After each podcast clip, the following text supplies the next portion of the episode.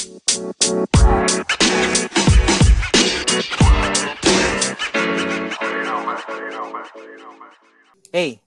welcome to HR Dose, your daily dose of human resource. Nah, kita masuk di episode pertama yang kita akan menjelaskan hal yang paling mendasar yaitu apa sih itu HR? Gimana Mas Rangga dan Mbak Cecil? Apa Jeng, sih itu jeng, HR? Jeng, jeng. Ada harusnya jeng, jeng, jeng, jeng. Nanti diedit bro. HR, apa itu HR? ya? Ini siapa dulu nih? Gue dulu nggak apa-apa nih. Nggak Boleh, Mas boleh. Dulu. Mas Rangga dulu. Oke. HR. Nih, gue sempet eh, research ya sedikit terkait dengan apa sih HR? Eh, ada beberapa opini memang sebenarnya. Jadi eh, ini ada salah satu yang gue bacakan. Jadi eh, HR atau manajemen sumber daya manusia disingkat MSDM. Gila. Tahu nggak? Nggak tahu kan lo kalau disingkatannya MSDM? Tuh. Apaan tuh? Manajemen sumber daya manusia. Hmm, Oke. Lanjut. Oke, MSDM itu eh, di sini dia bilang adalah suatu ilmu atau cara bagaimana mengatur hubungan dan peranan sumber daya eh, manusia atau tenaga kerja yang dimiliki oleh sebuah perusahaan secara efisien dan efektif sehingga dapat digunakan untuk mencapai goals dari sebuah perusahaan itu sendiri. Nah, itu menurut eh, salah satu sumber yang gue baca. Nah, tapi kan ini maksudnya textbook banget ya kalau dilihat dari sisi bahasanya tuh praktikal apa teori sekali gitu. Nah, kalau secara praktikal nih sebenarnya apa sih HR itu nih coba kalau menurut Mbak Cecil nih yang lebih pinter dari kita apa itu? Gue kadang-kadang suka dijual-jual ya nih Lu jadinya. eh, kalau menurut gue ya, ini eh, tadi kan sebenarnya kalau dari textbooknya sendiri itu untuk manajemen sumber daya manusia ya. Hmm. Mungkin teman-teman tuh yang taunya tuh, oh kalau di kantor gue tuh HR tuh orang yang ngurusin orang gitu. Kalau misalnya mau komplain ke orang gitu kan sebenarnya ya. Kalau orang-orang dengar. Tapi kalau sebenarnya dari sisi psikologi sih, kalau dari apa namanya kita melihat Hmm. itu lebih kepada lingkup organisasi ataupun eh, lingkup orang yang bekerja untuk mensupport organisasi tersebut gitu. Hmm, Oke, oke berarti kalau yang gue tangkap sebenarnya HR ini tujuannya mensupport organisasi dengan cara memfokuskan ke karyawan gitu jadi ya. Kita fokus Iya, ke heeh.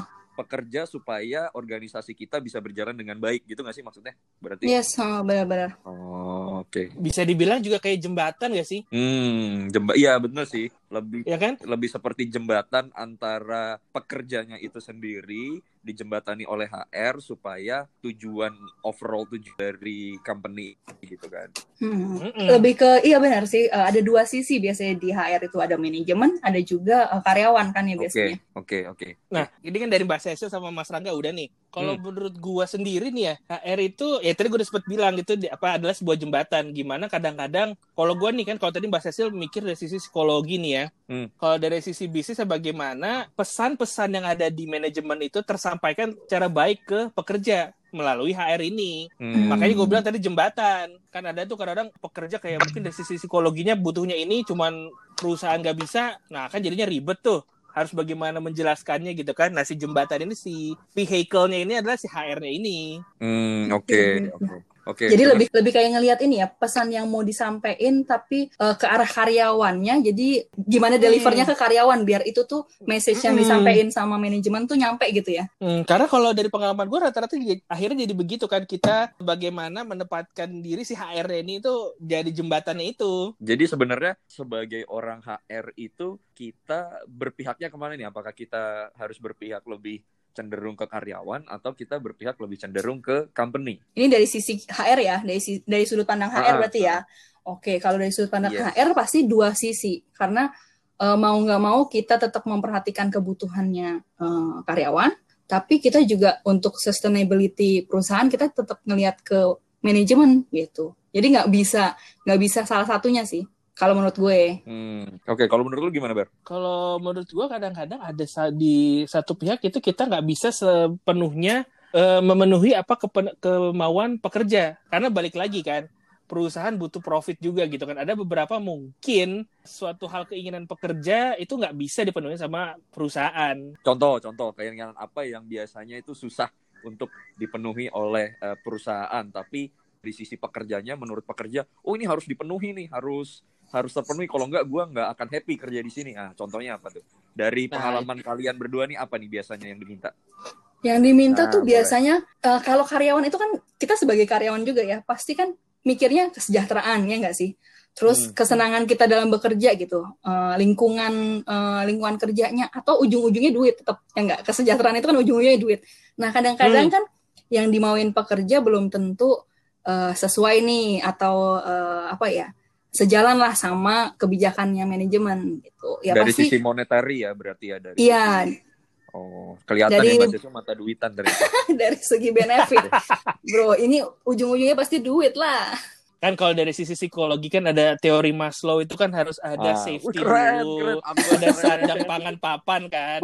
Iya nggak Mas Cecil? Iya, ya nanti kita bahas lah teori kebutuhan manusia tuh apa aja ya. Iya Albert. gitu. Nah, nyebut teori Maslow Dia udah mas gue tapi ya ka- kadang-kadang ya seorang manusia tuh, kok gue jadi tiba-tiba jadi psikologinya ya? nggak apa-apa, lu aja apa-apa. bebas bebas bebas Tapi begitu kan ke- eh, keinginan kita akan sebuah materi itu kan pasti sangat tinggi. Cuman ya perusahaan ketika mungkin bisa memberikan materi, tapi habis itu perusahaannya tutup, PR kan. Mm. Hmm. Makanya nggak bisa diikutin Iya. terus kemauannya karyawan Mm-mm. gitu. Iya, apalagi kan banyak nih pa- apa public opinion HR tuh sebenarnya kayak ih ini gimana sih orang gue harusnya dapat bonus kok nggak nggak bisa sih dibikin nih HR gimana sih gitu loh Hmm. atau nih HR cuma kerjanya cuma tulis-tulis doang ya, atau rekrut-rekrut doang ya itu kan Ah. public public opinion yang kadang-kadang kan orang nggak tahu sebenarnya dalaman HR itu gimana Hmm, kita diten di- kita ditekan bro iya. Memang agak susah sih kalau mau menilai daleman seseorang tanpa melihat langsung daleman tersebut ter- seperti apa ya kan. Gimana ya ini dalaman-dalaman terus?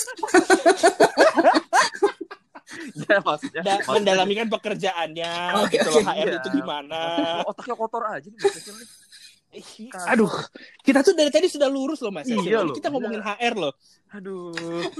Oke, gue hanya merespon bro. Ya udah lanjut. Oke. tapi kalau mas Cecil pernah dengar gak sih eh, gimana opini-opini publik itu tentang HR gitu Iya, eh, apa namanya? Nggak kalau jadi jadi HR tuh biasanya pasti ujung-ujungnya disalahin sih. Maksudnya serba salah sih.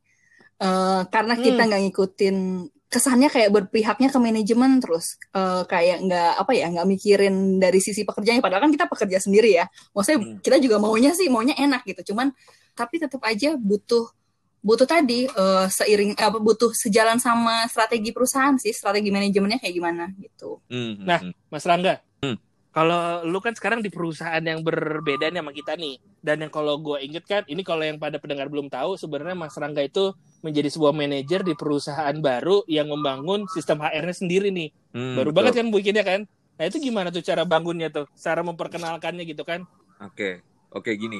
Jadi memang sebenarnya definisi tentang HR ini terutama bagi teman-teman mungkin yang baru masuk kerja, baru mau apa ya, baru setahun dua tahun bekerja itu mereka belum tahu apa sih eh, HR itu. Apalagi ini kasusnya bukan hanya pekerjanya yang baru, tapi company-nya baru juga kan. Kadang-kadang Hmm. dari dari sisi manajemennya pun mereka tidak tahu, tidak punya background yang cukup clear eh, terkait dengan eh, apa namanya HR itu ngapain aja sih? Kenapa kita harus punya HR nah jadi em, kalau di sebuah startup kan gue bisa dibilang startup nih ya perusahaan gue kan. Startup company itu yang harus pertama kali eh, kita set terkait dengan HR itu adalah dari sisi polisinya dulu. Jadi kita kasih pengertian kepada employee kita itu dengan menggunakan policy ini sebagai kendaraan kita dalam eh, memberi edukasi ke mana namanya ke pekerja kita gitu. Jadi Hmm. di, Hmm. di policy itu dijelaskan lah bahwa HR itu eh, apa namanya salah satu aktivitasnya contohnya tadi mencantumkan bagaimana sistem penggajian yang benar, bagaimana Hmm. sistem eh, training, bagaimana sistem perekrutan gitu-gitu itu kita tuangkan dalam bentuk policy itu lalu kita komunikasikan kepada pekerja kita sehingga mereka punya pengetahuan yang lebih detail lagi terkait dengan apa aja sih yang dikerjakan oleh HR. Itu sih kalau ke internal ya, kalau ke pekerja internal. Nah, tapi yang susah kan kadang-kadang nih ya. Nih gue pengen tanya sih sebenarnya, menurut kalian Mhm. berdua nih, Hmm. ketika kalian berhadapan dengan situasi di mana si pekerjanya ini dia tidak mengerti tentang HR tapi apa ya tapi dia dia merasa dia punya pengetahuan tentang HR dan dia merasa apa yang dipikirkan itu benar nih contohnya misalkan kayak wah harusnya HR itu bisa memenuhi segala keinginan pekerja nih contohnya tadi terkait gaji lah kalau Mbak Jacil bilang kan Hmm. Eh, harusnya Hmm. HR itu setiap kita minta kenaikan atau setiap kita ngeklaim sesuatu lah, reimburse sesuatu gitu, harusnya HR bisa membantu kita supaya ini bisa di-approve oleh perusahaan gitu. Nah, itu menurut kalian, apa ya, gue nggak mau bilang itu benar atau salah, cuman dari pendapat yang seperti itu tuh apa yang harus apa ya diluruskan gitu terkait dengan pemahaman terkait HR yang seperti itu. Gimana pada ngerti pertanyaan gue nggak? Nggak ngerti? Mampus. Panjang ya, panjang dan berat nih kayaknya. Ini gue rasa curhat curhatan pekerjanya dia deh. Kabar. Hmm, eh, bisa jadi kan anak-anak baru pada nggak tahu semua Iya kan. iya iya Yang benar penting- benar benar. Yang penting gaji, gaji bonus, gaji bonus Iya. lah. Jangan sampai- kelewatan. Iya, in- intinya gitu sih. Intinya sebenarnya eh, ini karena memang kejadian Hmm. satu pekerja di company gua dia merasa dia baru beberapa tahun lah belum sampai lima tahun bekerja nah dia itu Mhm. merasa di company dia yang sebelumnya itu dia dapat eh, bonus banyak dapat THR banyak selain dengan gaji padahal di satu Hmm. sisi di company gue yang sekarang ini company-nya kan belum berjalan kita belum punya revenue yang masuk akan sangat sulit bagi manajemen untuk bisa memberikan bonus terutama kalau THR kan Iya, eh, diharuskan kan. emang wajib lah. Ya, nah bonus. Nah itu gimana? Tapi dia nggak mau tahu. Nah itu gimana caranya Hmm. kalian memberi edukasi kepada teman-teman yang seperti ini nih? Coba dari- Siapa dulu nih Bar? Dari siapa ya? Dari siapa ya yang lebih lama dulu kerja deh, yang lebih senior nih Mbak Cecil. Kalau menurut gue sih ini ini menarik sih sebenarnya. Pertama dia udah punya kalau ini ngelihatnya case by case ya. Hmm. Ini dia udah punya eh, persepsi sendiri sama pengalaman sendiri sama perusahaan sebelumnya. Hmm. Dan dia punya ekspektasi kan ketika dia masuk ke perusahaan tersebut harusnya dia memahami dong ketika perusahaan yang berbeda itu pasti kebijakannya dan perkembangannya pun akan berbeda gitu. Kebijakan dan perkembangan maksudnya eh, aturannya pun akan beda-beda gitu. Nah, sebenarnya itu Hmm. yang kadang-kadang sama eh, pekerja baru yang eh, suka lupa nih eh, ketika dia direkrut tuh yang ditawarin apa aja sih? Dia harus paham nih sebenarnya. Eh, Yang ketika dia apply, ketika dia sign kontrak tuh dia Dapat akan masuk aja. ke dalam oh, masuk ke dalam organisasi apa kayak gimana nih eh, bisnisnya dan juga eh, prospeknya kayak gimana yang dia terima apa aja. Yang Hmm. menurut gue itu adalah dalam salah satu siklus HR tuh yang nanti mungkin kita akan Oh. bahas ya eh, Mas Rangga ya. Oke. Terus Iya. eh, balik lagi gimana kita menyikapinya, ya itu sih sebenarnya akan ke deliver ketika ada komunikasi kebijakannya. Oh, peng- di sini tuh kebijakan kita kayak gini-gini loh, akan beda nih sama sebelumnya karena tergantung bisnis kita juga, tergantung performa Hmm, bisnis kita. Gitu sih menurut gue. Oke. Tapi dulu waktu pas gue interview sama lu kok gue nggak dijelasin. Itu kan beda cerita. Kayaknya pas lagi interview Anda mintanya naik-naik terus deh kayaknya deh itunya gajinya. Makanya nggak dijelasin. gue minta naik sejuta aja gak dikasih bar. Tapi bang pada intinya nih kalau dari pertanyaan Mas Rangga ya bisa gue Eh. simpulkan adalah kembali lagi bagaimana kita ini menjelaskan ya eh, dari apa itu HR dan apa itu perusahaan itu per- peraturannya apa sih? Hmm, Kayak tadi kan harus polisinya harus jelas dulu seperti apa. ya. Dan se- keti- sebenarnya dalam kasus ini seharusnya ketika dia membaca kontrak itu seharusnya sudah tahu apa yang dia dapatkan gitu loh. Betul, betul, betul. Kan tidak namanya perusahaan A dan perusahaan B itu kan belum tentu menawarkan Yang eh, sama. kompensasi dan benefit yang sama gitu loh. Hmm, Hmm. hmm, hmm. Berarti Bagaimana tapi komunikasinya sih dan memang kadang-kadang mungkin para HR HR di sana gitu kan dan yang pada dengerin mungkin bertemu dengan HR HR yang kok susah banget berkomunikasinya Nah, gitu loh. itu. Cara mengkomunikasikannya itu loh yang kadang-kadang ya mungkin kenapa kita buat podcast ini ya buat mengklirkan orang-orang sana yang nggak tahu bagaimana pola pikir HR. Nah, itu dengerin Mbak Cecil. Dengar juga lu. AR juga. eh, mendingan bahas itu deh. Eh, apa? Siklus deh. Ya nggak sih? Menurut lu menarik nggak sih? Nah, iya tuh. Ah, iya, iya. Nah, ya, ya. Apalagi kan banyak yang nggak tahu cuma HR ya cuma administrasi doang Betul. gitu loh. Padahal kita kan lebih dari cuma administrasi. Iya, iya, boleh tuh. Kayaknya kalau misalnya ini bisa Coba. ditambahin ya. Ah, ah. menurut Mbak Cecil coba Mhm. apa sih Mbak Cecil?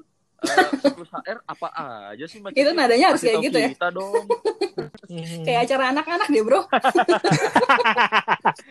Kalau menurut gue ya, siklusnya kan eh, yang seperti kita tahu lah pasti uh, teman-teman yang dengerin juga uh, paham ya kalau misalnya udah mulai bekerja di organisasi ketika uh, HR itu uh, human resource ya itu tuh hmm? pas mulai ini nggak ada ini karena siklus ini nggak ada awal dan akhir pasti ada proses ketika dia terekrut atau uh, dia apply ke organisasi tersebut atau rekrutmennya hmm. terus kemudian ada hmm. saat ketika sudah terekrut terus dia kemudian onboarding dia masuk dalam uh, organisasi ter tersebut nih dan hmm. kemudian ada uh, siklus development di situ dia terdevelop entah dari pengalamannya dari segi skillnya ataupun dari segi apa ya uh, apa ya kompetensinya kali ya dari segi kompetensinya itu dari sisi development nih.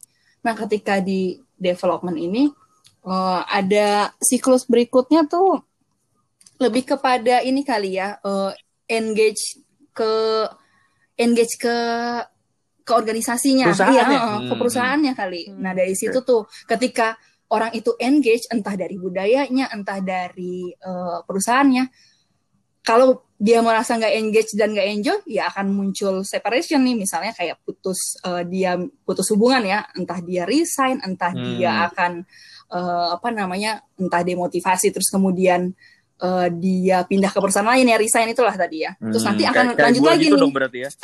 kayak lo berarti, berarti kurang engage ya gue ya. kurang engage. Hmm. Lo kemudian melakukan kan, diri dari Padahal gue engage banget loh sama bos kita. Uh, kental banget. Uh. Kental bos. Ini bos yang lanjut, mana lanjut. ya? Lanjut, lanjut, lanjut, lanjut. Udah, udah, udah, udah. Gitu sih. Itu tadi, tadi gue kepikirannya itu ya, siklusnya tuh pasti awal mulanya dari awal sampai rekrut sampai dia akhirnya memutuskan untuk pindah. Tapi di dalamnya tuh sebenarnya yang uh, dinamikanya banyak tuh menurut gue. Hmm. Oke, okay. Bar, kalau menurut lu gimana Bar? Siklus HR yang disebutkan Mbak Cecil tadi itu uh, apakah bisa ter-apply ke semua perusahaan atau mungkin setiap perusahaan dengan culture yang berbeda mereka bisa punya siklus yang berbeda-beda juga gitu. Kalau sebenarnya itu adalah uh, menurut gue ya Mas ya karena itu adalah siklus yang standar sih. Hmm. Yang paling berbeda itu mungkin dari sisi onboardingnya. Onboardingnya itu bagaimana ya? Ini kan sebenarnya kunci di awal nih bagaimana uh, yang pendengar semua sama pekerja HR itu menjelaskan HR itu seperti apa dan kantor itu seperti apa gitu hmm. kan supaya tidak ada nggak ada pertanyaan-pertanyaan kayak tadi tuh kok gue nggak dapat bonus lagi sih dulu di kantor ini dapat bonus mulu ya kantor lu sama kantor yang sekarang kan beda, beda bos yeah. gitu loh ya, dan dari sistem nah development dan membuat sebuah engagingnya ini yang kadang-kadang mungkin strateginya berbeda-beda hmm. nih ada yang mungkin dengan uh, bisa mengengage dari compensation dan benefitnya yang dari tadi tuh bonusnya okay. atau gajinya gitu kan mm -hmm. atau ya mungkin dari ya kefleksibelan untuk jam kerja gitu loh okay. apalagi kan mungkin karena kita basically semua dari bisa dibilang BUMN mm. lah ya mungkin kan kalau kayak di swasta kayak gue boleh ngambil suatu contoh ini bukan di perusahaan kita di itu sebuah multinational company. Wah disebut company-nya. Tolong nanti. nanti diedit ya, gitu. Enggak, karena gue pernah di sana. Dan uh, ya pokoknya di sebuah satu multinational company di Jerman, itu mereka sudah memperbolehkan untuk kayak sekarang karena kita sekarang dari keadaan pandemik ya, sudah boleh WFH dan itu mungkin jadi plus point untuk membuat pekerja-pekerja di sana menjadi engage gitu loh. Hmm. Untuk tetap bekerja di sana. Wah. Wow. Jadi untuk mm-hmm. okay. untuk siklusnya sendiri sih mungkin akan sama, tapi strategi mereka untuk bagaimana menjaga pekerja itu tetap bekerja di kita dan tetap bisa di-develop sama kita. Hmm. Menjadi kayak lulusan-lulusan ya sekalipun resign seperti Mas Rangga gitu kan tapi dapat membanggakan bahwa lulusan dari perusahaan kita tuh sekarang jadi manajer di perusahaan luar biasa gitu. luar biasa berarti, berarti kalian bangga dong punya temen gue ya. Bangga. Uh, bangga. Rangga. Bangga berkawan Rangga. Kayak pernah denger tuh. Inside joke sekali. Iya, memang kalian harus bangga berteman Rangga. Dan beruntung bangga. nah, tapi coba kita uh, ini kan sebenarnya tuh HR yang secara umum. Coba kita lihat kayak karena sekarang gara-gara pandemik nih, gue sempat tadi menyinggung adalah WFA gitu kan. Bisa dibilang kan HR-nya uh, harus berputar keras nih, Mas kayak dan Mbak Cecil bagaimana membuat sebuah policy yang baik gitu loh untuk keadaan WFH ini dan ya HR menuju era digital gitu loh dari rekrutmen dan segala macam. Nah, gimana sih pandangan kalian atau opini kalian gitu tentang HR di era digital ini? Nah, ini menarik nih sebenarnya. Uh, tadinya kita kan hanya eh, orang-orang itu hanya membahas HR di era digital gitu kan sekarang kondisi hmm. sekarang ini kita harus juga membahas HR di era pandemi gitu. Nah, ini hmm. ini kalau menurut gua ini sekarang itu adalah dua hal yang uh, saling mendukung nih. Maksudnya saling mendukung gini. Karena pandemi, jadi HR di era digital ini memiliki peran yang lebih krusial daripada HR di era digital di masa sebelumnya.